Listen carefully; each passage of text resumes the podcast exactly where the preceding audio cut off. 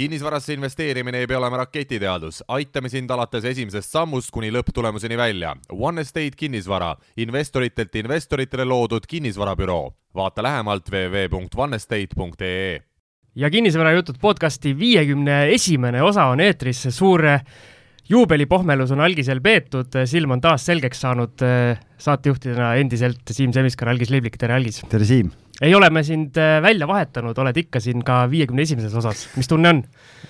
tunne on hea, sellepärast et ega ma tegelikult eelmine kord oli siin väike ärevus oli sees, et kuna meil juubelisaate külaline ju ütles, et me oleme siin diletandid ja, ja amatöörid, et, et ta võtab asja üle, et noh, õnneks, õnneks nii ei läinud.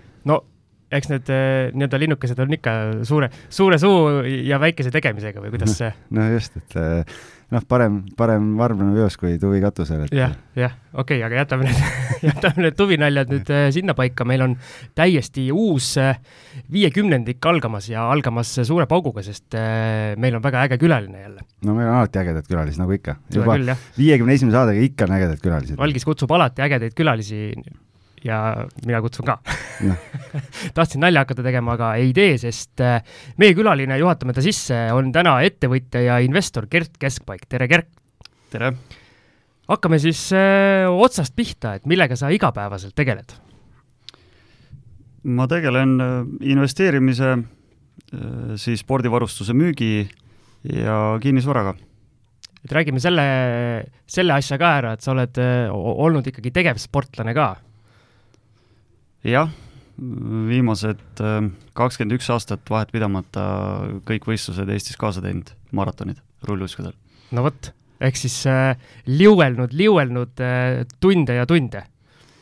jah, äh, päris palju on neid kokku saanud, et ja kui, kui, äh, kui aktiivselt sa tegeled seal, kui palju see nagu selles valdkonnas, no ma ei, mina olen nagu selles valdkonnas täielik võhik, et äh, rull, see rulluisu. ütle üks valdkond, kus sa ei oleks no kuule, ma olen ikka nagu, nagu tugitoolisportlasena ikka nagu keskmisest kõrgemal tasemel, aga, aga vot see on kuidagi minust nagu mööda läinud, et, et kui, kui palju trenni peab tegema ja kui aktiivselt, kui aktiivne tegevussportlane sa oled praegu?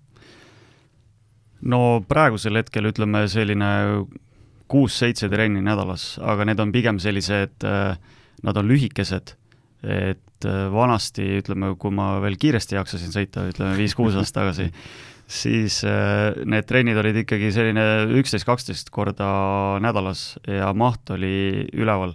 et on sa-, sama nagu tavaline vastupidav spordiala, kui me võrdleme jalgrattaspordi või suusatamisega, et et sa pead need mahutunnid ära tegema ja selle peale sa saad siis hakata ehitama nii-öelda kiirust et ähm, kas et... nüüd äh, nii-öelda ajaga on tarkus tulnud, et noh, et mõtled, et äh, trenn on nõrkadele ja käid ainult võistlemas siis, et enam nii palju trenni ei tee? tead, see ajaga tuleb see, et äh, sa näed, et see aju nagu tahaks, aga see raam, raam ja need liigendid enam ei jaksa. et, et see asi tuleb sulle siis, kui sa, kui sa näed, et sa ei jõua enam endisel tasemel sõita, siis veits tekib see motivatsiooni küsimus ka, et ja õnneks on tekkinud uusi väljakutseid, et ei, ei pea iga hommik minema pea maas rulluiskudega laskma, et, et saab muid asju, et saab valida, kas on, on ilus ilm õues või, või sajab buss nuge alla, et siis saad valida, millal lähed trenni. aga kas sul see esimene nii-öelda mõte investeerimisest kui sellisest tekkis ka kuskil rulluisurajal või, või see oli kusagil mujal? see oli tegelikult mujal, see oli enne rulluisutamist, ma hakkasin uisutama aastal kaks tuhat aga investeerima, ma mäletan, äh, see oli enne kahe tuhandendat aastat ja selleks olid Hansapanga aktsiad. et äh, see oli mu esimene investeering siis. sul on siis päris, päris mitme kriisi kogemus ka selja taga? Mm, jah, see, ma, ma hästi seda üheksakümnendate kriisi muidugi ei mäleta. et see oli üheksakümnendate lõpus pigem see Hansapanga teema. aga see kaks tuhat seitse, kaheksa on, on hästi meeles, jah. ja seal see kaks tuhat algus oli see nii-öelda dot-com oli ka ju, see vist eh, siiamaile väga ei ulatunud?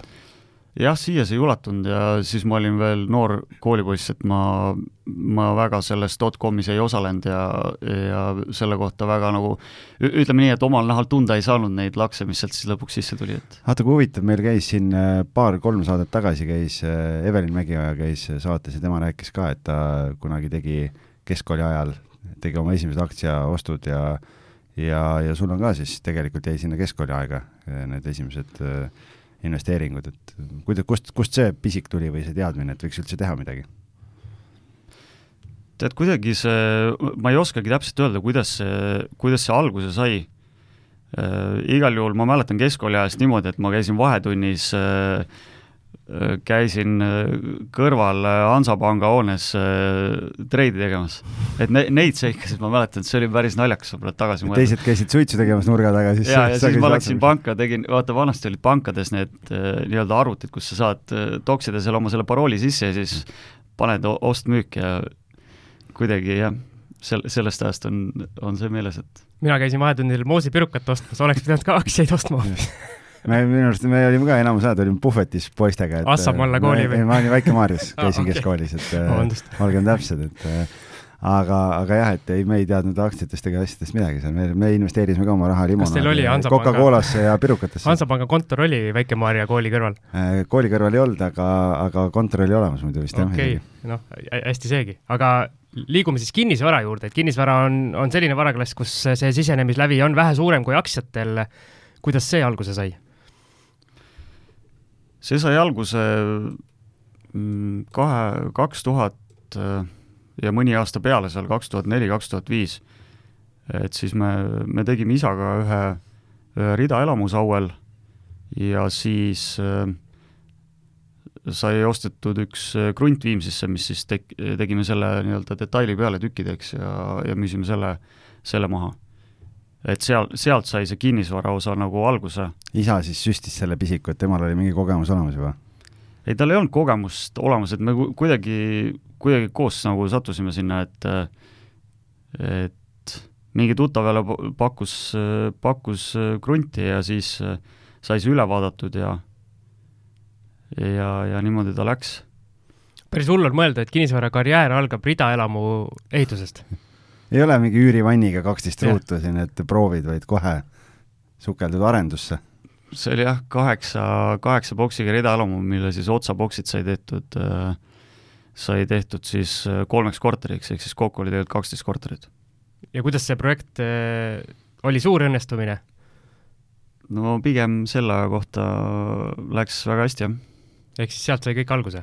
jah, no siis oli tur-, turg, see kaks tuhat neli, kaks tuhat viis, turg oli, oli nii-öelda tõusufaasis, et äh, ütleme, tõu-, noh, ma olen sellest aru saanud, et, et tõusufaasis on sul ikka, sa pead midagi väga valesti tegema, et sa äh, nagu eksid seal suurelt, et seal ei ole noh, neid, neid asju väga tihti siis ei juhtu, et ma arvan, et see, kust valesti saab minna, ongi see, et lähed lihtsalt liiga optimistlikult peale lihtsalt, et äh, mõtledki, et oh, see on jube easy, on ju, et noh, ega täna ka sa võid ju igasuguseid asju turult osta või noh, siin eile öeldes äh, või noh, kui me räägime nii-öelda aktsiatega võrreldes, noh siis see, mis siin siin LHV aktsiatega on toimunud, on ju, et noh, et pensionirahad on inimestel käes ja, ja see, mis toimub, et tegelikult äh, ma arvan, et neid inimesi, kes ei tea äh, on väga palju, et, et, et selle koha pealt me ikka Siimuga alati manitseme oma kuulajaid, et üheksa korda mõõda ja üks kord lõika, et tuleb ikkagi enda jaoks alati see must stsenaarium ka läbi mõelda, aga noh, väga hea, et sul nagu alguses kohe nii hästi läks, et noh, see on, see on tore ju. ei no ma võib-olla siis parandan, et ma täna ütleme, ütleme siis niimoodi, et ega äh, täna ma ei oleks nii kindel enam, et kui sa midagi ostad või, või lähed, paned börsile selle raha, et ma nüüd kindlalt on mingi kasum tulemas, et seda tagantjärgi on vaata hea lihtne asju rääkida siis, kui need on tehtud. aga nüüd, mis siis tänasest edasi nende sellesama turu, aktsiaturu kohta, millest sa rääkisid, mis toimuma hakkab, et seda on nagu keeruline, keeruline ette prognoosida, et aga kui see nii-öelda esimene arendus ja need esimesed tehingud jäid sinna suure kriisi eelsesse aega, kui see kriis nüüd peale tuli, mis sa selleks ajaks olid jõudnud teha ja mis seisus sa sinna nii-öelda litakale vastu läksid? no siis vahepeal oli jälle, tegelikult oli pausi mingi kolm-neli aastat, siis ma käisin vahepeal uisutamas jälle okay. käisin Euroopas MK-etappidel mees tõmbas riided selga ja siis oli raha, vaata, siis oli aega ja raha, noh, siis võis sporti teha ja siis äh, uisutasin, uisutasin, siis üks sõber kutsus, äh, äh, kutsus Uusmaasse maakleriks. et sealt läks nagu edasi see, see nii-öelda kinnisvaratee siis. aga see kaks tuhat, maaklerina siis kaks tuhat? see langeski täpselt sinna kriisiaegade oligi, kui ma ei eksi, siis ta oli kaks tuhat kaheksa, kaks tuhat kümme seal vahemik. okei okay., aga. et hea oli maaklerina alustada, kui äh, igal pool oli suur pessimism. jah, see oli, oli huvitav aeg, et äh, esimesed äh, neli kuud mitte midagi ei juhtunud, istud kontoris, käid, teed mingeid tegevusi, ütleme nii, et seal, seal oli küll see koht, kus motivatsioon nagu kukub veidi alla, pehmelt öeldes mm et kui see esimese nelja kuuga, no ma see vist neljand-, kolmandal-neljandal kuul ühe üürika andsin välja. et see algus, see nagu see jutt, et mm, kui keegi räägib seda juttu, et et nüüd büroo kaudu tuleb tohutult mingeid asju sisse ja saad seal kortereid ja maid ja maju müüki, no tegelikult nii ei ole et tegelikult on natuke teistmoodi need asjad. noh, tegelikult ma võin, saan ju rääkida siin ka, et noh, eks ta on ikka nii, et ega kui ma ise ka ju uusi maaklereid äh, võtsin, siis, siis äh, on noh, seal on ikkagi see, et kõigepealt sa pead olema nii palju nagu näitama, et sa oled ise tegija ja suudad ise tuua objekte sisse et kui sa nagu ise hakkama ei saa, noh siis miks keegi sulle peaks midagi andma, et noh, tegelikult nagu see ei ole ju väga äh, ei näita väga suurt sellist, äh, ma ei tea, kompetentsi ole õige sõna, alguses seda ei olegi võib-olla liiga palju, aga, aga ütleme sellist äh, töökust ja, ja pühendumist ja kõike seda poolt, aga noh, tollel hetkel ma saan aru ka, et kui sa läksid, noh, kui turg oli sellises olukorras, nagu ta oli, et ega noh, nii palju, kui ma ise olen kuulnud eelmise või noh, selle, selle kriisi ajastis oli see, et inimesed ei, ei saanud aru, et nüüd on reaalselt vaja hakata hindades alla tulema ja midagi tegema ja siis oligi niimoodi, et mingi pool aastat kuni aasta aega oli tegelikult see vii-, nii-öelda viib, viibega käis see asi, et noh, ma ise sellel ajal kinnisvaras ei olnud, aga aga, aga kui Oberausis olin, siis, siis ma kuulsin ka neid legende ja igasuguseid jutte, kuidas mingi hetk lihtsalt mitte midagi ei toimunud nagu, sest inimesed ei olnud nõus hindades alla tulema, ei saanud aru, et, et enam ei saa nii, nagu enne oli. no tegelikult selle hindadega oli niimoodi, nii palju, kui mina mäletan, ma iga reede helistasin kõik kliendid läbi ja rääkisin neile lood ära, palju oli kuulutusel vaatamisi, palju oli kõnesid, mis teha. üldjuhul pooled kliendid tulid kaasa hinnalangetusega. et äh, see muidu võiski olla seesama, sama teema, et äh, kui sa langetad seda hinda nagu hilja, siis tegelikult mitte midagi ei juhtu et ähm, meil oli või mul, mul oli seal õpetatud siis selline asi selgeks, et äh, sa pead ikkagi olema portaalis äh, top kümme, top viisteist kuulutuses, siis sa suudad selle äh, nagu toote maha müüa. et muidu, kui sa oled seal kolmekümnes, noh, siis neid muuseumi eksponaate võib sul seal portfellis olla, kui sa neid müüa ei suuda, siis nendega mitte midagi teha lõpuks ei, ei ole, et aga kuidas nagu objekte müüki saada äh, ma korra puudutan seda teemat ka, et äh, tegelikult äh, oli seal eelduseks, et sa tööle saad, äh, sa pidid minema lihtsalt tänaval inimestega rääkima, mis oli väga ebameeldiv. sa pidid võtma kümme kontakti, lihtsalt minema suvalisi inimesi tülitama tänaval. ütleme nii, et väga suurima rõõmuga seda tegema ei läinud. ma tahaks tegelikult üldse näha, millisele inimesele see nagu on selline, et oh jess, terve elu olen oodanud, et saaks minna tänavale võõrastega rääkima Äh, õigus, aga samas tulemusi sealt äh, nagu oli, ma sain mingeid liide lõpuks, et tulid mingid tehingud. tundub tegelikult uskumatu, noh. täna isegi, ma mõtlen selle peale, et olles ise külmi kõnesid teinud maaklerina kunagi, on ju, ja, ja koolitanud uusi maaklereid ja nii edasi, kui sa juba tead selle peale, et kui keegi paneb otse omanikult kuulutuse portaali üles ja seal all on kirjas, et maakleritel mitte tülitada ja osadel caps lock'is ja lubavad veel, ma ei tea, käeluud ära murda ja ma ei tea, mida kõike teha, on ju et noh, kui sa seal saad nagu selle, vabandust, selle pasarahe nagu, et noh, mis siis veel nagu, kui sa tänaval lähed nagu võõra inimesega rääkima, et see tundub nagu veel next level asi. mis sul see lähenemine oli, kuidas sa inimese juurde tänaval läksid, mis su esimene lause oli? tervist, mina olen Gert kinnisvarabüroost. kas teil on võib-olla osta, müüa, üürida midagi? vot, näed, mehel on siiamaani meeles, kurat nagu oled, oled sa viimasel ajal mõne flipi korteri jaoks seda ka rakendanud, et kuskil Sõle tänavate vahel ringi käinud ja, ja, ja vaadanud? ei, ei, seda, seda, seda ei ole, et ma, ma otseselt nagu maakler tegevusena müüki endale asju ei osta, aga, aga neid ütleme, mõned, mõned need nii-öelda otseomanikult kontaktid ju, need, need tuleb ikka võtta, et aga üldiselt neil on, ma ei taha nendelt midagi ära võtta, ma tahan neile raha viia, et lihtsalt küsimus on hinnas, et, et nad võtavad selle kõne hea meelega vastu ja näitavad korterit. super, häälestus on, häälestus on paigas, vaata, Siim, kuidas tehakse raha, kui sa helistad kellelegi, sul peab juba see mõte peab olema hea, et ma tahan sulle raha tuua. jah, esimene lause on see, et kuule kuule sõber, kas sa, kas sa tahad raha või ei taha? see on nagu Kreisi raadios oli see, et uh, people come go ja uh, you forty ja me sixty. Jätame selle praegu, praegu sinnapaika, aga, aga Gert, jõuame sinuga nii-öelda tänapäeva, et mis, mis need valdkonnad seal kinnisvaras on, millega sa nüüd igapäevaselt tegeled või mis su see ampluaa on? no tegelikult põhi, põhiteema on siis see äh, nii-öelda renoveerimist vajavate korterite äh, otsimine, ostmine, nende korda tegemine ja mahamüümine, ehk siis äh, flip imine. et eel, ütleme, eelmisest kriisist siis läks kümme aastat mööda, esimesel septembril aastal kaks tuhat kakskümmend siis me tegime ettevõtte ja, ja hakkasime pihta. uuesti kooli, jah? jah, põhimõtteliselt esimesel koolipäeval lapsed läksid kooli, me tegime sõbraga ettevõtte aga kuidas see mõte tuli, et just see, et nagu flip imine on see, kuhu tahaks näppu anda? tead, sõber tegi mm, ühe korteri kindlasti seda flip imist ette, mina olin muidugi see pessimist seal kõrval, kui ta küsis mingit arvamust, siis mõtlesin, kuule nalja teed, niisuguse hinnaga ei ole võimalik müüa. et os-, ostad ära, tegi korda, pani mingi noh, tolle aja mõistes nagu pigem kõrgema hinna, mõtlesin kahtlane no siis, kui ma nägin, et ta selle, selle ära tegi, siis hakkas mõt-, mõte tekkima, et tegelikult äh, ma eksisin, et, et see on, on võimalik teha. ja siis kuidagi, kuidagi läkski nii, et et jõudsime koos selleni, et võiks hakata, hakata siis tegema neid, et proovida nii-öelda kätt, et ja palju selle ajaga nii-öelda portfellist läbi käinud on neid Flipi projekte? tänaseks äh, Flipi projekte on käinud läbi neli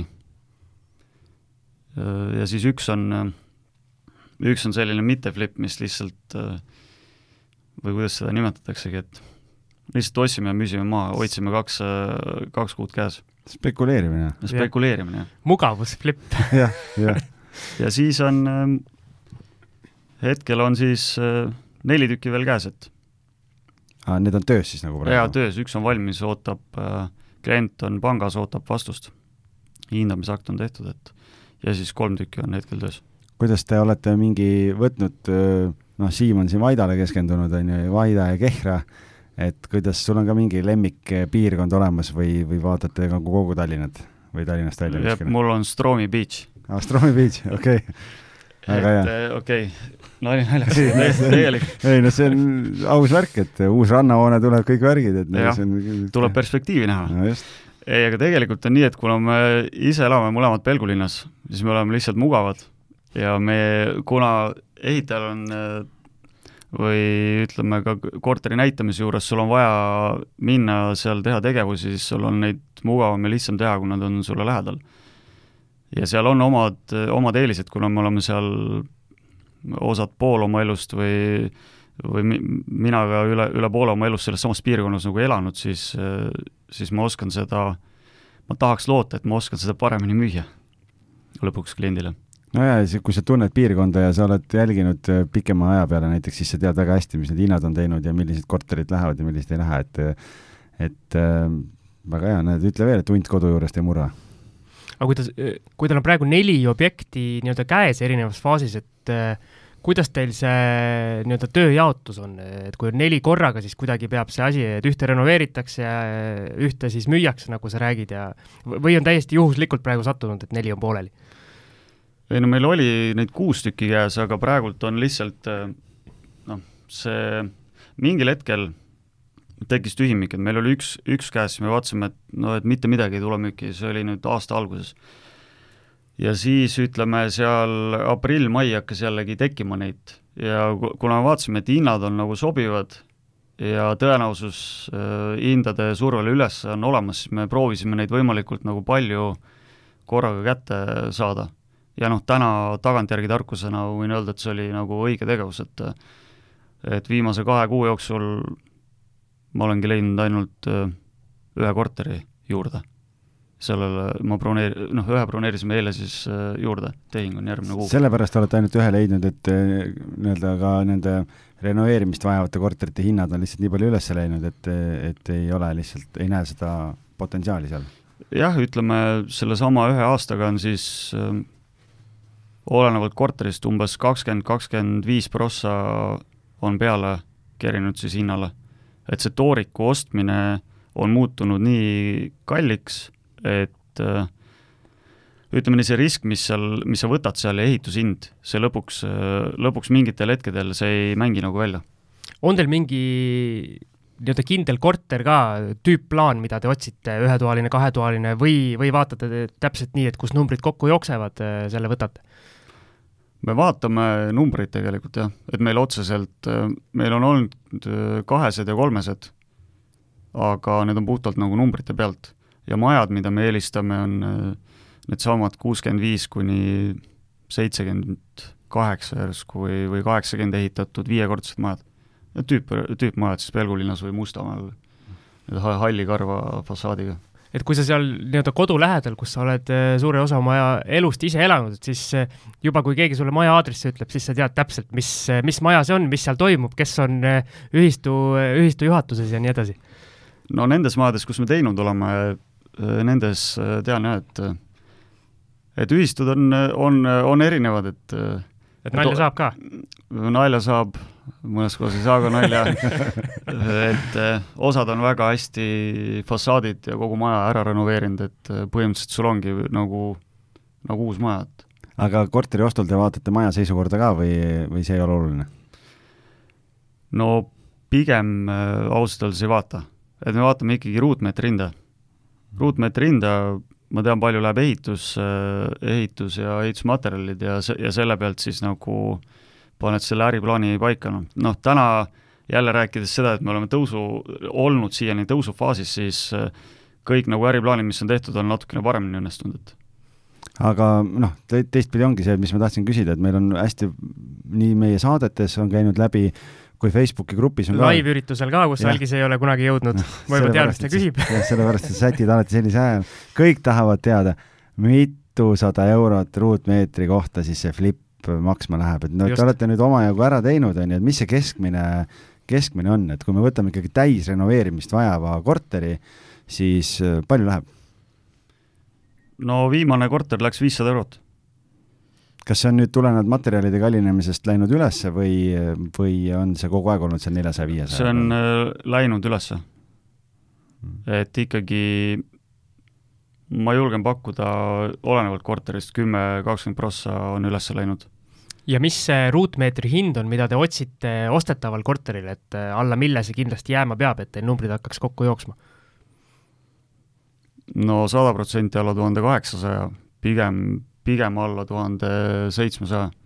sest ma mäletan, mingi aeg me Gerdiga suhtlesime kuskil aasta tagasi või midagi, kui ma müüsin äh, seal äh, Sõles ühte korterit, siis Gert helistas, ütles, et kuule, mis hinnaga sul ära läks see korter ja siis, siis rääkisime ja ja siis ma mäletan, oli see hind oli alla tuhande neljasaja. jaa, osad, osad korterid me oleme saanud jah, alla tuhande neljasaja kätte, et et see on nagu, see on nagu kindla peale minek? ja tänases turus kindlasti, aga ütleme nii, et need jäid ka aasta esimesse poolde mm. -hmm. et täna, täna niisuguse hinnaga vähemalt Pelgu linnast eh, neid maju, mida me seal kolde, puhangu ja ehte nurk, seal ei leia niisuguse hinnaga täna aga kas te otsite oma, oma neid objekte kinnisvaraportaalidest või teete mingeid nii-öelda otse, otsekontaktide otsinguid ka? mingi flaiereid või midagi? panete selle Klepeka, panete sinna fonolukku kõrvale näiteks või? ei, ma seda Klepeka varianti ei ole teinud, kuigi ma usun, et see töötab.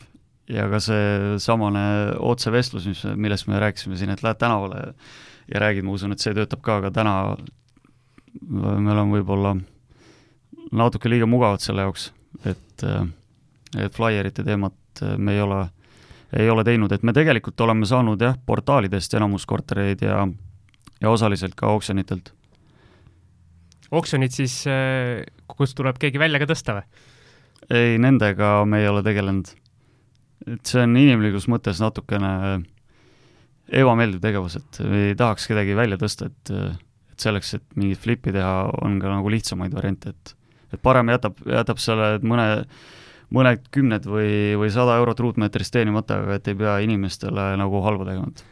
aga te vaatate kuidagi mingit kindlat kriteeriumit ka, et noh, ütleme, no ma ei tea, sa leiad korteri, mis on tuhat seitsesada eurot äh, ruut, on ju, et äh, aga aknad on vahetamata näiteks, noh, kas see on nagu siis kindel ei, et see on lisaaeg, lisaraha või lihtsalt on see, et noh, ikkagi jälle vaatate Excelit ja kas mahub ära või ei mahu, et pigem see ei ole probleem, akende vahetus on kakskümmend, kakskümmend viis eurot ruutmeeter kahetoalise korteri põrandapinna kohta. et see suurusjärk on tuhat eurot, et et selles suhtes see ei ole takistus, et seal on lihtsalt see natuke sebimist juures, et et pigem oleneb äh, hinnast. täna on, täna nagu väga vali, valida seal ei ole, et et kas on, kui on nagu aknad vahetatud, siis on see pigem boonuseks. aga noh, meil nüüd üks korter, mis me täna teeme, aknad on vahetatud, aga seal on, seal on juba rõduuks ei tööta ja, ja köögiaknal on mingid kriimud ja asjad peal, et et lõpuks on, et sul on vahetatud aknad, aga need lähevad ikka vahetusse, et me, me üritame teha nagu selliseid kortereid, kus me oleks nõus nagu ise ka sees elama. et sellepärast äh, mu sõber on äh, väga nii-öelda äh, pedantne selles osas, et kvaliteedikontroll on meil kõva. väga hea, me, meil on täpselt sama asi, et tahaks öösel rahulikult magada, et, et ja pigem teha nagu natukene, teenida mõni, natuke vähem, aga et sa teed või siis mitte üldse teenida.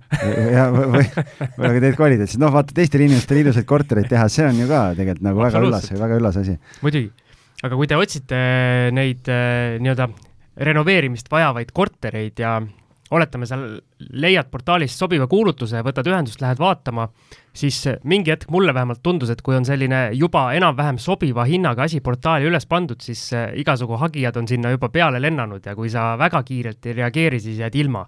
kas sul on ka selline tunne olnud? jah, on, osadest oleme ilma ka jäänud, aga aga siin ongi see, et no mõnda korterit me ei ole vaatamaski käinud et äh, ütled talle juba ära, et saada palun äh, broneerimisleping. et niimoodi, niimoodi see asi üldiselt töötab. Aga muidu osad on läinud sinna ülepakkumise või noh, oksjonile, põhimõtteliselt üks pakub, teine pakub ja siis me oleme paarist oleme pidanud loobuma, et, et see on tundunud nagu ebamõistlik. selles suhtes, et kui sa maksid korteri eest, mis, mis sul oli mõni kolm-neli kuud tagasi, maksis kuuskümmend kuus, kuuskümmend kaheksa tuhat, siis küsitakse seitsekümmend kaheksa. tollel hetkel ei olnud äh, nii palju seda julgust, et, äh, et seal ära see võtta. Noh, täna tagantjärgi kolm-neli kuud mööda läinud, võin öelda, et oleks võinud. aga no need on oleksid, need ei, need ei maksa, et aga põhimõtteliselt jah, vastus on, et et neid ikkagi suht kiiresti peab re reageerima nendele siis, mis on hea hinnaga portaalis üleval hommikul paned kella kuueks äratuse iga hommik ja esimene asi vaatad portaalid üle, kui uusi asju ei ole, magad edasi ja kui uus asi on, siis ei tule kaks päeva und aga ma arvan, et kell kuus vaata ei panda neid, et ei no keegi on pannud öösel pool üks äh, seal meeltesegaduses no, või, või ei no siis tuleb kell kaks olla üleval, mitte, mitte kell kuus. no ja siis paned kohe selle koputaja peale, et on nii kõva alarmiga, et öösel ärkad üles ja kohe. parem, kui oled kogu aeg üleval siis on kindel, et, et jõuad esimesena. aga sa tunned sealsamas piirkonnas mõnda konkurenti ka, kes flippimisega tegeleb, et võib-olla jagate isegi nõu või, või siis, kui tänaval näete, on ikkagi rusikas taskus ja ei, seda ei, ei tunne. et äh, ma tean, et mõned teevad seal, aga ma olen lihtsalt kokku, kokku puutunud ühega sellisel viisil, et ta käis meil Mustamäel ühte korterit vaatamas. et kas nagu Mustamäel siis ära, ära renoveerida see, mida me ise ei tahtnud teha. aga no ütleme nii, et me, me teeme, kuna me rääkisime sellest kvaliteedist, siis me üritame teha selliseid kortereid, mis näevad äh, ikkagi sa astud sinna korterisse sisse, ta on sul nagu uue maja, nagu uude majja astuda, et et äh, aga kui Flipi korterit müüte, siis müüte ilma sisustuseta? esimese korteri me tegime Iskuga koostööd, panime mööbli sisse ja müüsime koos mööbliga, aga edasi, kuna see liikumine on olnud nii kiire, et pole jõudnud paraku mööblit sisse panna, siis me teeme praegult jah, ilma, ilma mööblita köögimööbel on sees tehnikaga, aga toad on tühjad. aga kuna meil on äh, siin pool tundi juba juttu läinud, siis teeme väikese pausi ja kui tagasi tuleme, siis räägime rahastamisest ka, et kuidas äh, need korterid äh, finantseeritud saavad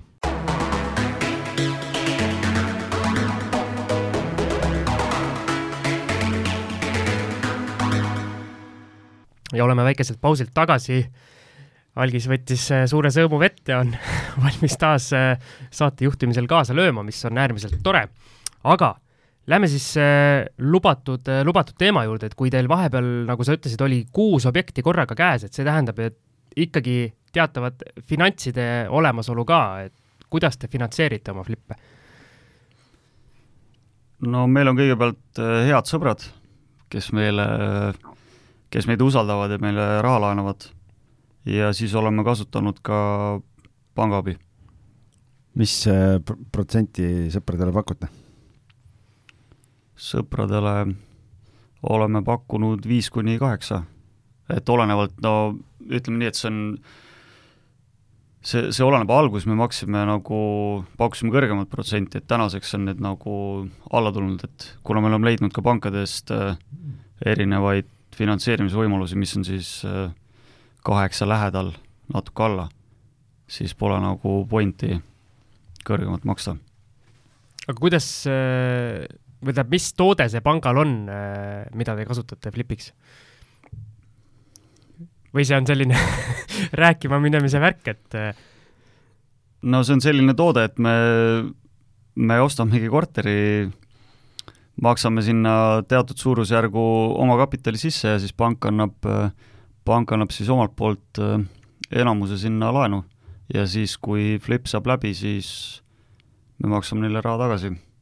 ühesõnaga, pank teab, mida te teete, nii-öelda nad on nagu äriplaaniga nii-öelda tuttavad, te peate nagu nii-öelda plaani ka neile tutvustama? jaa, ja plaan, nendele ma ikkagi kirjutan iga, iga projekti lahti ja teen selle nii-öelda kalkulatsioonid sinna ära, et mi-, noh, kuidasmoodi see välja mängib ja tänaseks ma võin öelda, et ma ei ole mööda pannud, aga jällegi noh, sama see tõusev turg, et pigem on toetanud seda, et see ehitushind ei ole nii palju kallinenud, kui, kui siis äh, lõpphinnas äh, tarbijalt küsida saab.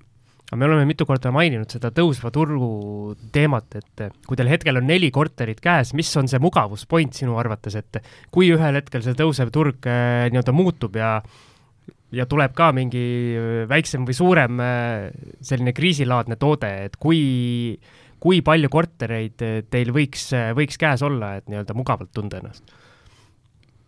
no siis selline neli-viis tükki on täna, tundub väga mugav, et et meil on see nii-öelda musta stsenaariumi plaan ka käes, et kui me teeme nad valmis, valmis ja tõesti keegi ei taha, siis me anname nad üürile lihtsalt okei okay,, praegu teil ühtegi üürikorterit portfellis pole? ei ole. see põhjus on lihtsalt see, et see on liiga aeglane instrument äh, kuidagi raha teenimiseks või et tahate flippidega kiiremini kasvada või mis see, mis see taust seal on? meile tundus jaa, et äh, ütleme nii, et kuna meil on äh, väga hea ehitaja, kellele saab nagu loota ja, ja kellega me, meil on pigem nagu sõbrasuhted nüüd tekkinud, et me, me, me saa-, ta, ta teeb hästi ja ta, ta ütleme, kõik, mida ta lubab, ta teeb ära, selliseid inimesi täna, ütleme, on vähe. ja eriti, eriti, eriti nendes nii-öelda ehitusvaldkondades, nagu ma kuulnud olen. et äh, aga jah, kui see nii-öelda üüri, üüriteema meile tundus nende arvutuste järgi, et et me peaks natukene nii-öelda omakapitali kasvatama ja saama tugevamaks ja siis võib vaadata seda üüri poolt, et meil hetkel, kuna ütleme nii, ei tahaks niisama istuda, et tahaks nagu aktiivset tegevust teha, siis äh, see flipimine tundub nagu tulusam. no vot, aga rääkides aktiivsest tegevusest, äh, sa ütlesid, et sõbraga koos teed, äh, kuidas teil need rollid jaotatud on, kes, kes mis rolli täidab? no ütleme, mina selle ehituse poolega üritaks võimalikult äh,, olengi üritanud nagu võimalikult vähe tegeleda, ma võin ära öelda, et ma äh, väga palju sellest ei jaga. kui on vaja, siis ma võin seina krohvida ja tapeeti seina panna, aga see, see, ütleme, ma ei ole võib-olla sellest kõige osavam, aga minu osa on siis pigem ütleme, korterite otsimine, kuigi sõber teeb ka sedasama nii-öelda otsimist ka vahepeal, et eks me scroll ime neid äh, portaale läbi seal mõlemad, kuna nagu ma ennem ütlesin, kakskümmend neli seitse ei jõua üks inimene seal olla, et ja siis pigem, pigem see pankadega suhtlemine, notarid, müügipool, maaklertegevus, et see on siis äh, nii-öelda ostu, ostuklientidega suhtlemine, et see on siis minu, minu poolel nii-öelda ja kui teil tekib nüüd äh, mingi objekt, oletame, kas teil on vaja mõlema poole nõusolekut, mõlemad ütlevad, et jah, või, äh, või vahest tuleb nii-öelda sõbrast üle ka sõita, öelda, et ei, see on ikka hea objekt, et teeme kindlasti ära? Ei, pigem, pigem me niimoodi üle ei, ei ole sõitnud, et me, see on alati nagu puhtam õhkkond on see, et, et me teeme selle otsuse koos, mõlemad on nõus ja tulemus on lõpuks parem. et muidu on see võib hakata see teema tekkima, et no mis ma sulle rääkisin, ma ju ütlesin sulle, et sa ei mängi välja. et pigem vältida seda olukorda, siis me oleme saanud sõbralikult äh, nii-öelda ühisotsused ja siiani on need õigustanud.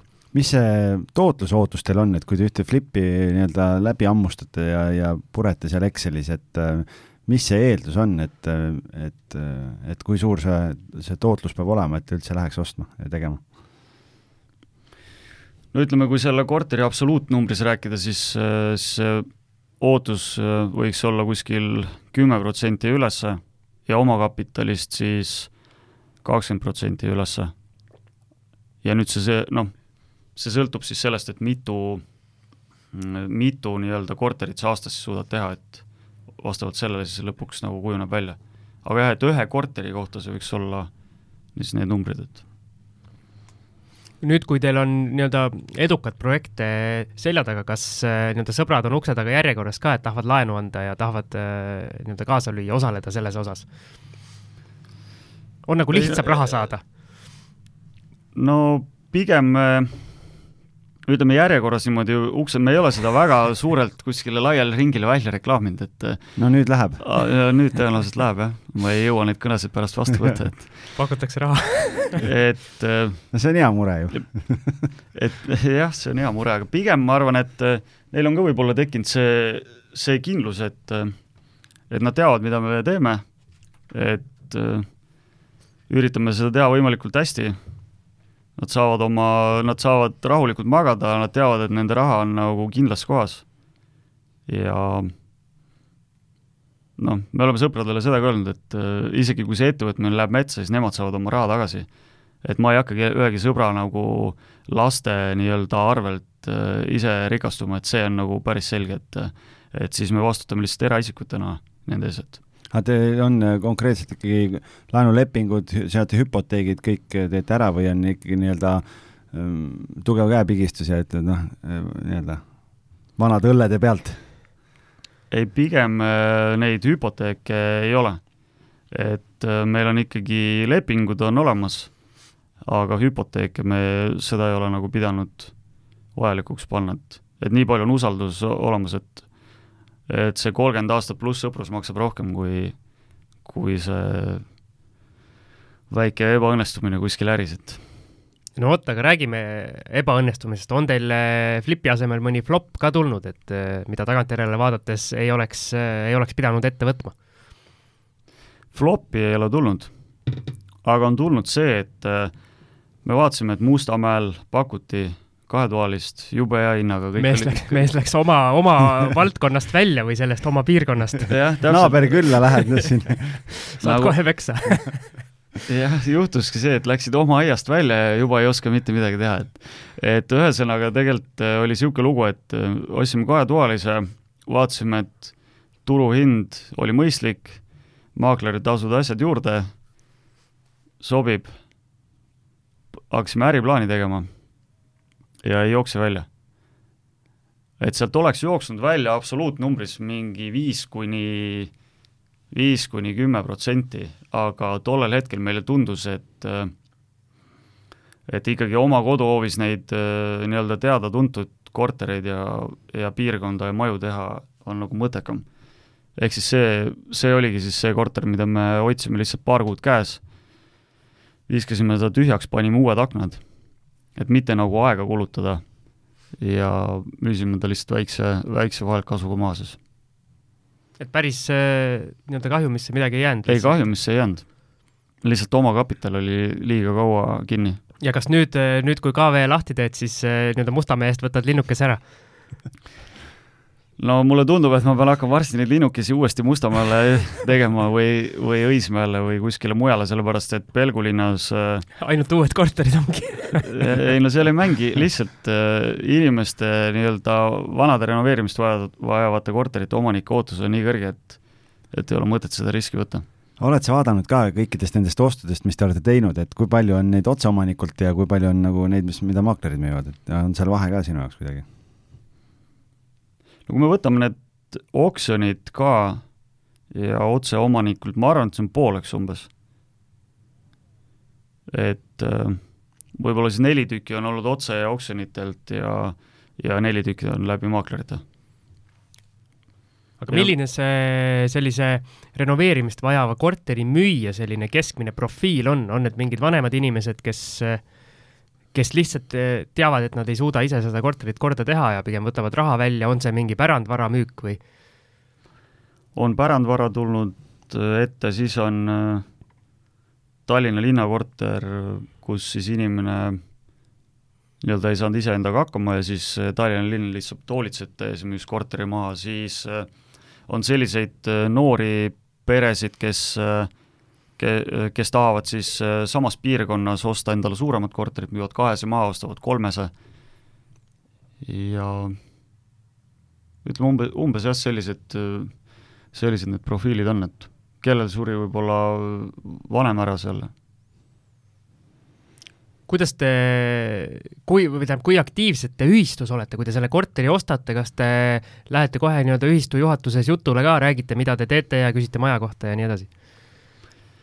Et me oleme üldiselt küsinud äh, mingisuguseid, äh, kui seal ütleme, mingeid lubasid on vaja, et me, me tavaliselt oleme gaasi, gaasi välja võtnud, pannud elektripliidi, et äh, et see, seda me oleme rääkinud ühistu esimeestega, aga mingisuguseid juhtnööre või, või suuri ümberkorraldusi me ühistu esimeestele ei ole, ei ole läinud rääkima ega, ega tegema, saad eesti keeles hakkama või on vene keelt ka vaja seal piirkonnas?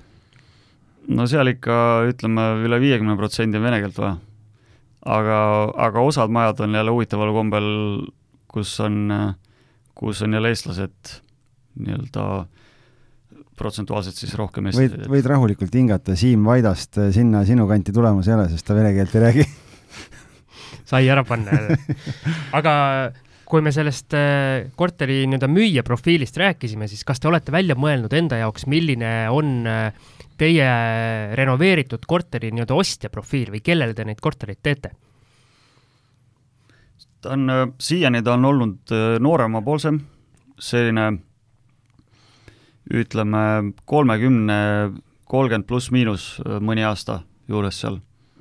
et need on meie korterite ostjad, kes tahavad äh, hästi tehtud äh, ja hea väljanägemisega korterit siis saada, et ja kus on nagu kõik asjad äh, juba nagu noh, ei ole, ei ole sul niimoodi, et äh, sul on seinad tehtud ja elekter on tegemata või või elekter on tehtud, aga, aga sein on ühes toas on tapeet, teine on värvitud, et et pigem, kus on nagu täislahendus, tuleb oma kohvritega, astub sisse ja võtab mõne mööbliesemega kaasa, et saaks magada, mitte ei peaks põrandal olema ja ma arvan, et pigem selline noorema, nooremapoolsem inimene ja kuidas sa tunnetad, et lisaks sellele tõusvale turule üldises mõttes, kas see nii-öelda piirkond, kogu see Pelgulinn ja Põhja-Tallinn ja et see on ikkagi selline nii-öelda tulevikupiirkond, isegi need nii-öelda nigelamad alad, mis seal nii-öelda Stroomi ranna juures võib-olla ajalooliselt on olnud? ma tunnen küll, et, et see areneb pidevalt edasi, et seda, mida Algis ka alguses rääkis, et rannahoone tehakse uus, koldepuiestee võetakse täna täielikult üles, renoveeritakse ära siis tehakse putukaväil sinna, ütleme, see putukaväil on siis Puhangu ja Ehte tänava vaheline see kõrgepingeliinide ala. ja siis läbi selle putukaväila on planeeritud ka tramm Stroomi randa siis. mis asi on putukaväil, mina ei tea. putukaväil on, putukaväil, kui paned Google'isse, siis siis, ära. sealt saab vaadata, aga see on mingi arenguplaan, siis tehakse selline rohekoridor ja nii-öelda ja pool niisugune, kus inimesed saavad siis vaba aega veeta ja, ja liikuda ja mingid äh, sportmängude väljakud on sinna mõeldud ja, ja sinna lisaks on siis äh, seesama tramm, millest ma rääkisin, Telliskivist peaks siis jooksma tramm mööda, mööda sedasama Putuka välja, kas siis äh, puhangut pidi siis randa välja, et et see on Put- nagu tuleviku teema. putukaväil on liigirikas niiduilmeline looduskeskkond, linnaosade vaheline rohekoridor ja liikumisruum inimestele, mis läbib kuut linnaosa. ja, ja esimesena realiseeritav etapp paikneb garaažide vahelisel alal Põhja-Tallinnas, Ehte, Sõle, Puhangu tänav ja Kolde puiestee ja kogu pikkuses kulgeb Putukaväil Telliskivi loomelinnakust läbi Kopli kaubajaama Põhja-Tallinna garaažide vahelise ala ja Merimetsa piki Kristiine, Mustamäe, Haabersti ja Nõmme linnaosa vahelist piiri Hiiu asumini. nii et äh, Siim, see on, see viitab juba praegu toimivale liikumiskoridorile, mida tolmeldajad, liblikad, kimalased ja erakmesilased ja teisedki loomarühmad kasutavad, et suunduda ühelt rohealalt teisele. kaotasime kõik kuulajad praegu nii et äh, ei, väga saime targemaks jälle, nii et äh, lühikokkuvõte, siin on pikemalt juttu, et äh, putukavail.ee, minge vaadake. No vot, minu puhas tegemata kodutöö, mul on Putuka väila ääres on äh, Ehtes ja Puhangus on praegu korterid ja ma isegi ei oska inimesele seda müügijuttu rääkida, mida just- sa just rääkisid. ma just tahtsin küsida, et kas sa müügil kasutad seda, seda aspekti, et see on ju tuleviku nii-öelda perspektiiv. Ma kas-, ma kasutan küll jah, et äh, aga ma ütlen sellesama lause, et äh, seesama putukaväil, vail.ee või, või Google, ütleme nii, et turg on täna sellises faasis, kus ma seda pikka monoloogi pähe ei pea õppima ja, ja ei, hak- ei pea hakkama seda rääkima talle, vaid saan öelda, et mine palun loe sealt. ja et seal on see, et lihtsalt ma siin näen veel poole silmaga, et see on nagu kõrgepingeliinid nendes piirkondades viiakse maa alla ja siis tekitab, tekivad mingid rohe nii-öelda piirkonnad, kus siis inimesed saavad aega võtta. aga tippmaakler Algis Liblik sai ka nüüd, kui sul korter kuskil seal piirkonnas on, siis sa saad öelda, et siin on äh, nii-öelda tuleviku värk, et ostad korteri ja varsti ma on sul panen kuulutuse kohe välja, et soovin Putuka väila kõrvale osta korterit. ühtegi, ühtegi kõnet ei tule, sest keegi ei tea, mis see on. ja ma saan sulle kohe öelda, et ma võin sulle kaks tükki tervelt müüa. no no nii, kuule, meil tehakse otse-eetris tehakse siin tehinguid, see on ka esmakordne. nii, kus me jäime? otse notarisse. ja ma mõtlen, õnneks mul on sull on kaasas. teeme saate lõpuni, jah. teeme saate lõpuni. kus Ah. me jäime, Algis? Me, see- tegelikult minul ei ole selles mõttes järgi, et äh, me rääkisimegi sellest, sellest Põhja-Tallinnast, et noh, et, et see on arenev piirkond ja, ja kõik see pool ja tegelikult kas, ma, küll ei mäleta, mis ajaks see, see ranna, ranna, uus rannahoone seal plaanitakse valmis saada, et see tegelikult tõstab kogu selle piirkonna väärtust päris arvestatavalt veel. aga näed, isegi Gert ei tea, nii et ta- tal on, tal on veel, mida teha. Mul on, mul on hea järgmine küsimus, et äh, kui sa oma kogemuse pealt nüüd äh, peaksid näiteks alustajale, alustavale flipijale mingit nõu andma, et milline on ühe eduka flipi eeldus või eduka flipi saladus? no eduka flipi eeldus on, ütleme nii, et täna kõige suurem eeldus on see, et, et sul on hea ehitaja. et kui sul seda ehitajat ei ole, kes oskab teha, kes peab, peab tähtaegadest kinni, siis on ülikeeruline. ja teine eeldus on muidugi, et äh, sul on hea hinnaga mingisugune toode siis, mille sa saad osta, et osta odavalt aga seal ongi see küsimus, et alustava, alustavale öeldakse, et no et osta odavalt ja osta hea hinnaga ja aga kuidas see inimene tunneb ära, mis see hea hind on?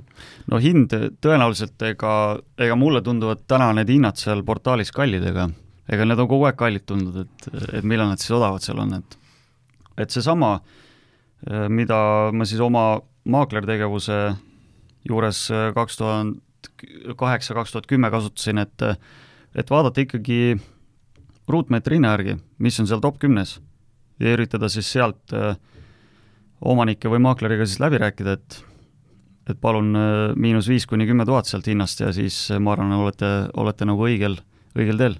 Ma just tahtsin küsida, et sa juba nii-öelda poole, pooleldi vastasid ära, et noh, et kui palju teil õnnestub täna nendest äh, pakkumiste hindadest siis alla rääkida, et kui palju kõige rohkem alla oled saanud? no viimase kolme kuuga kõige suurem, ütleme, küsimine oli, ma pakun, kolmteist protsenti turuhinnast. Või mitte vabandust, selle listitud siis äh, portaali hinnast. aga ütleme nii, et kui, kui ta on ikkagi hea hinnaga ja, ja maakler ütleb sulle, et kuule, mul tuleb täna veel kolm-neli inimest vaatama, siis ma üritan talle kiirelt öelda, et oota, et äh, ma saadaks sulle selle, selle nii-öelda broniraha ära, et palun kontonumbrit, et, et seal täna ütleme, see, see sõltub kõik sellest, et äh, noh, algis sa tead ise ka, et inimesed ju, nende soovid on tavaliselt kõrgemad, et küsitakse ju mingeid ebareaalseid hindu seal. Kui me läheme, kui me ei räägi top kümnest, aga räägime top sajast, siis me võime sealt äh, mida iganes lõpust äh, leida, et sealt saab muidugi noh, mõnele võib miinus kakskümmend või kolmkümmend ka pakkuda, et aga ta ei tule selle hinnaga sinuga tehingusse, et aga jah, see normaalne piir, ma arvan, et võiks olla niisugune viis kuni kümme protsenti tegelikult.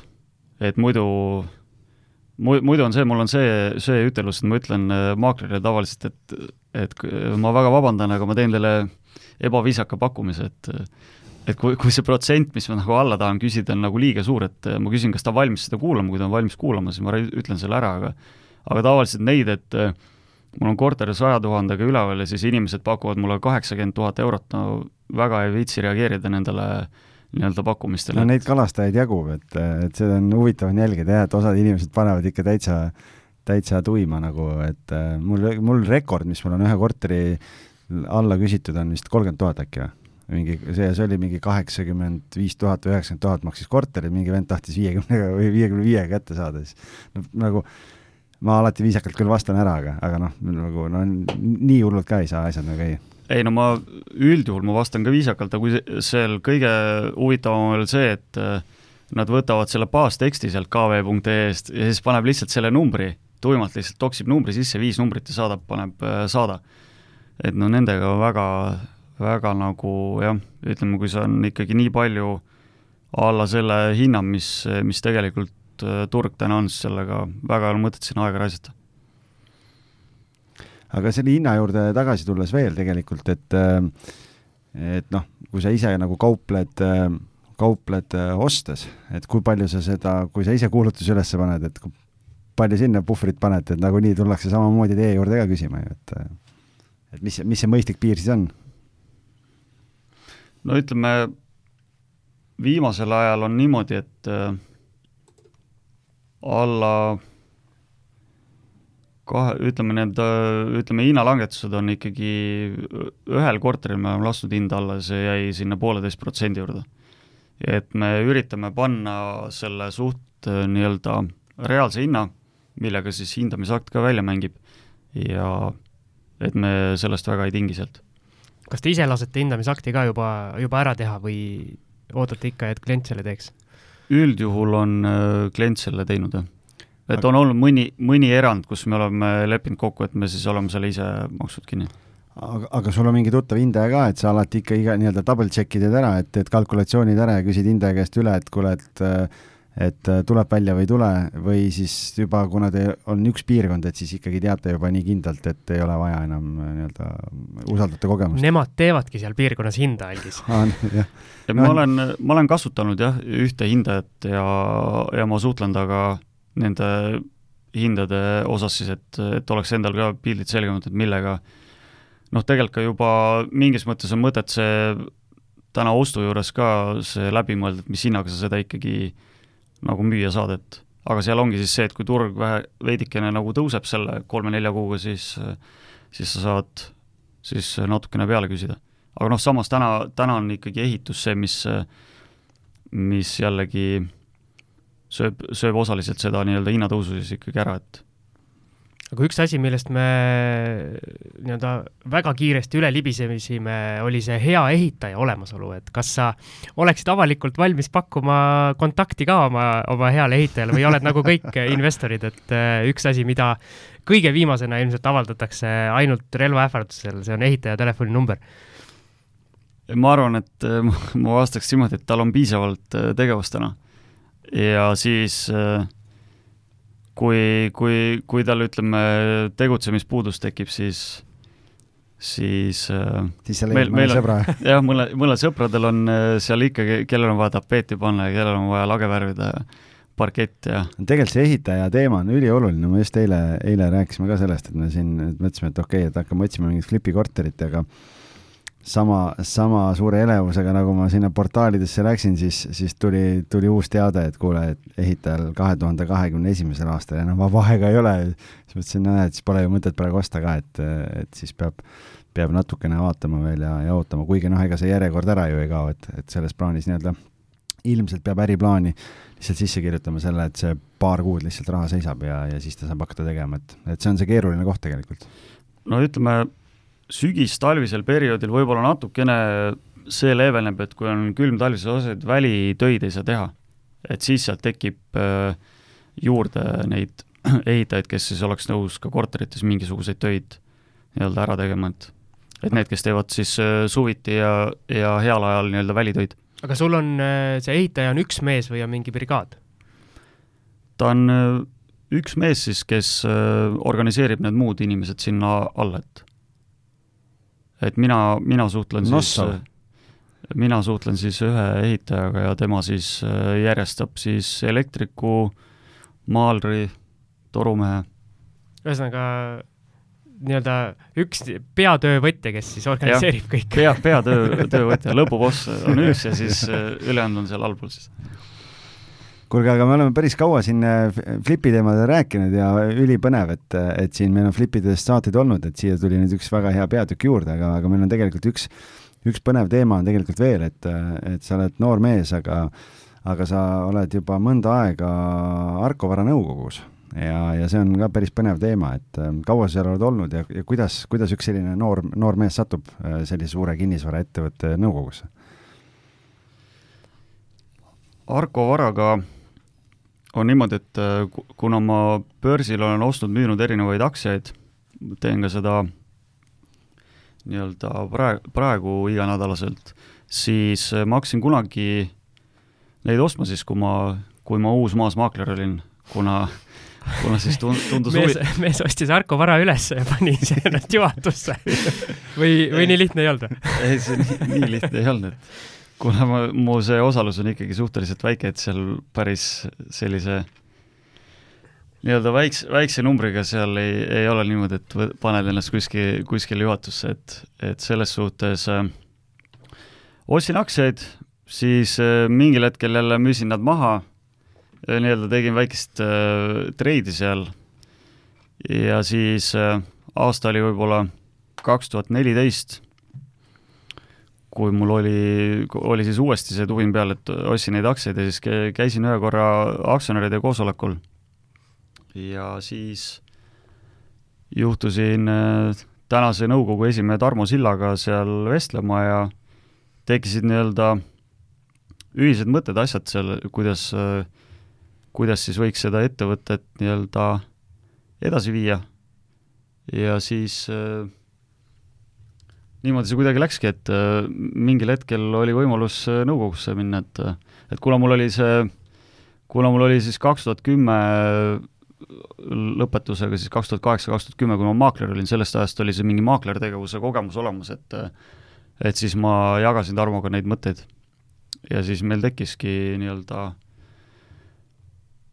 te-, tekkis see klapp kuidagi ja siis niimoodi ta tänaseks on sinna läinud, et kaks tuhat viisteist aasta sai sinna nõukogusse mindud. Ühesõnaga, nagu paljude asjadega elus ikka, siis tuleb olla õigel ajal õiges kohas.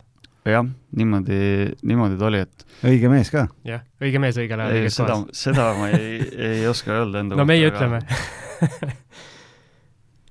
jaa, see on, selles mõttes on ju põnev, et, et siis sa oled näinud eh, nii-öelda seda, seda köögipoolt ka ja, ja seal saanud kaasa rääkida ja tegelikult ju selleks ajaks küll, kui meil, kui meil saade nii-öelda päevavalgele tuleb, et, et Arko Varal vist on tulemas mingi uus emissioon ka lähiajal.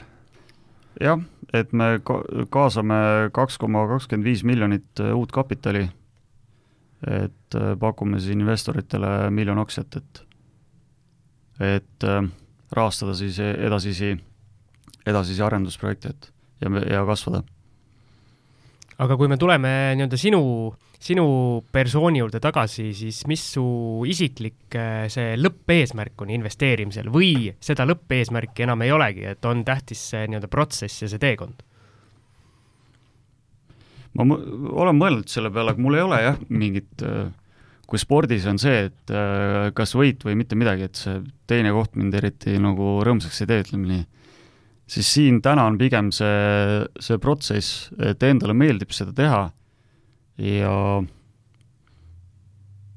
nii-öelda jah te, te, tehagi seda, mis, mis meeldib ja kuna ütleme nii, et täna see, need kinnisvara asjad on õnnestunud ka, siis äh, hetkel ma nagu mingit pikemat äh, mitmeaastast plaani ei oskagi panna, et, et teeme mingi kakskümmend või kolmkümmend flippi, et ma, ma ei ütleks seda täna, et et vaatame, mis turg teeb päev korraga, kuus kuusse ja niimoodi ta, niimoodi ta läheb, et vahepeal sõidab neli-viis aastat rulli jälle ja, ja siis tuleb tagasi. ei no ma sõidan praegu ka rulli, aga, aga vähem, et. aga ühel hetkel võib-olla see nii-öelda flipi aktiivne tegutsemine väsitab ära, siis äh, hakkad endale üüriportfelli kokku panema, kas selle peale oled ka mõelnud?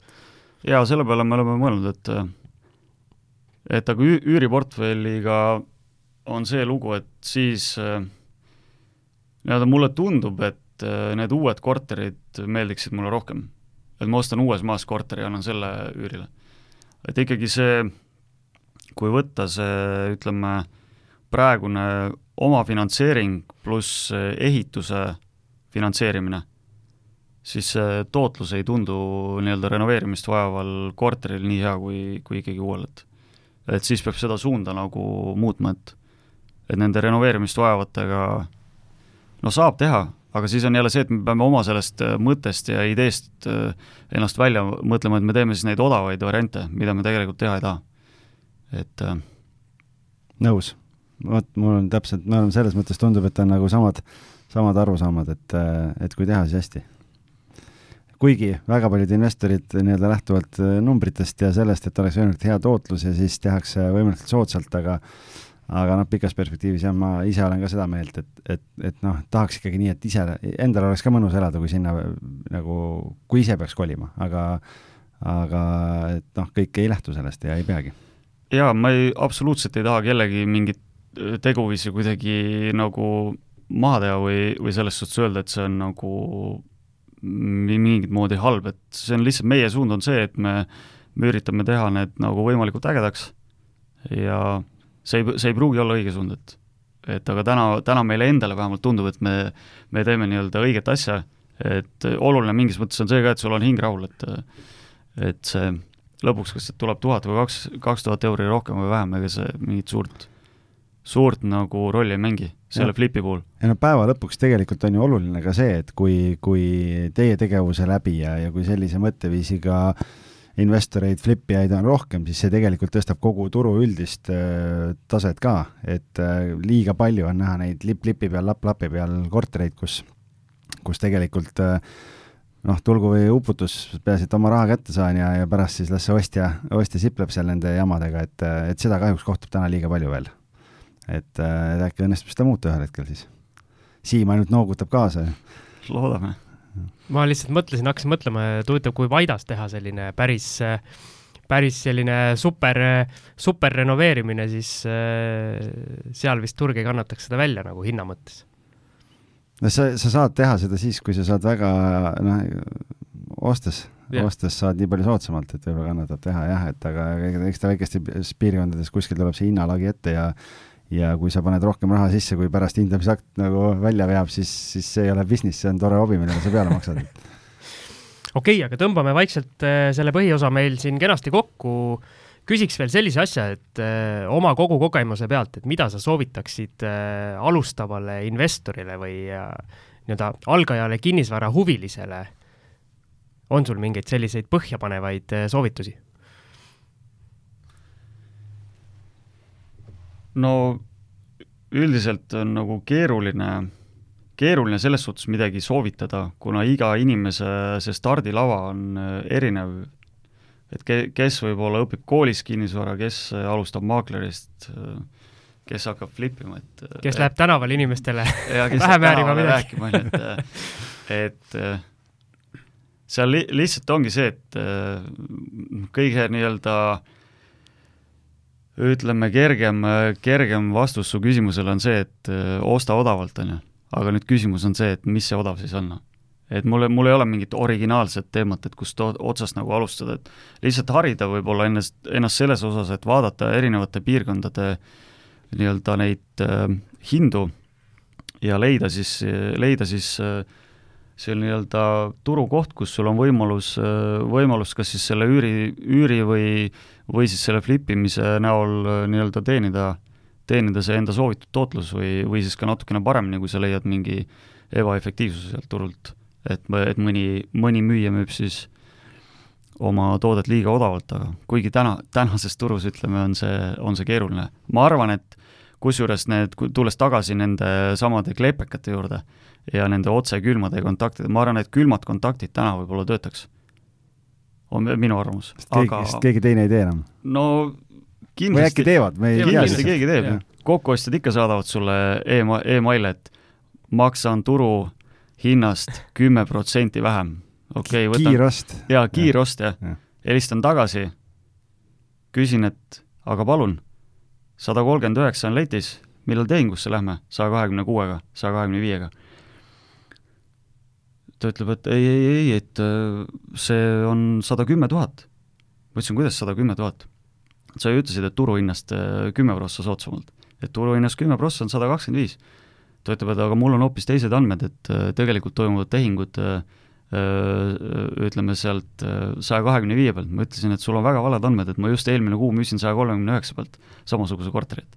et see ongi, see ongi see, see koht, et nad tõenäoliselt suudavad äh, väga paljud, mitte väga paljud, vaid äh, nii mitmegi inimese sellega ära venda, et mingi ker-, kergeuskliku sellise inimese, et äh, nojah. jaa, et see, see, kelle, ma ei tea, kas kergeuskliku, aga see noh, ta näeb, et talle pakutakse mingisugune X summa raha, talle sobib see, aga tegelikult kui ta oleks selle portaali pannud või andnud äh, maakleri algise kätte, siis võib-olla oleks ta saanud, on ju, kümme, kakskümmend prossa rohkem selle korteri eest no vot, Siim, näed. aga maaklerid, need on ju ilged tõprad, et need tahavad ainult ja need võtavad ju raha endale sealt, vahendustasu võtavad kõik endale, et, et jah, see jama värk ja mulle meeldivad need kuulutused, kus äh, nii-öelda ostja toob äh, või tähendab, müüja toob selle välja, et müün ilma maaklerita, et nagu ostja jaoks oleks suur vahe, et pigem ja, aru, ostja jaoks on ju, ostja jaoks on lihtsam. sa tood välja, aga jah, et on see, et eraldi rõhutatakse müügi juures, et otse omanikult. jah, et ma, ma nagu ei saa sellest plussist aru, minu meelest ostjal on just kasulikum, kui maakler äh, on vahel ja aitab nagu, aga sest äh, noh, aga nii on. no see, ütleme, maakler vahel seal äh, ma olen täheldanud seda, et kui sa lähed ostja juurde, tal on, ütleme, kaheksakümne üheksaga korter üleval ja sa ütled talle kaheksakümmend, siis ta pigem nagu, ta ei taha sellega väga kaasa tulla. aga kui seal on maakler vahel ja ütleme, maakler on tema nii-öelda, ütleme nii, et nad on siis omavahel nii-öelda diilis ju, maakler esindab ikkagi müüjat. ja kui maakler suudab talle selle, ütleme, selgeks teha, et ikkagi see on okei okay hind siis see tihtipeale on nagu leevendanud seda olukorda, et et see mingi külmalt helistamine, ütled, kuule, et liiga kallis on, et kaheksakümmend, et see ei tööta mõnikord. et äh, maaklerid on nagu parandanud seda olukorda, et ütleme nii, et äh, pika jutu kokkuvõtteks siis äh, maakler võib olla mõnikord ka kasulik, aga mõnikord ka mitte, et jätame see otsa niimoodi lahti, aga ma tahtsin jõuda selleni, et et ühesõnaga ikkagi müüja usaldab maaklerit rohkem kui mingit äh, ostjat, kes talle esimese kor-, esimene kord külma kõne teeb ja ütleb, et kuule, et äh, anna hinnast alla. super! mulle selle noodi pealt äh, meeldib lõpetada, et maakleritest on kasu ka, see on ju hea kokkuvõte. jah, lõpuks on algisest kasu, aga siin, siinkohal tõmbamegi jutu kokku ja suur-suur tänu, Gert, et sa said meie saatesse tulla, oli ülimalt põnev, minul. ja mul ka, väga äge. aitäh teile kutsumast ja kohtume siis juba järgmistes saadetes. edukaid flippe sulle ja kõigile kuulajatele ka. aitäh, nägemist.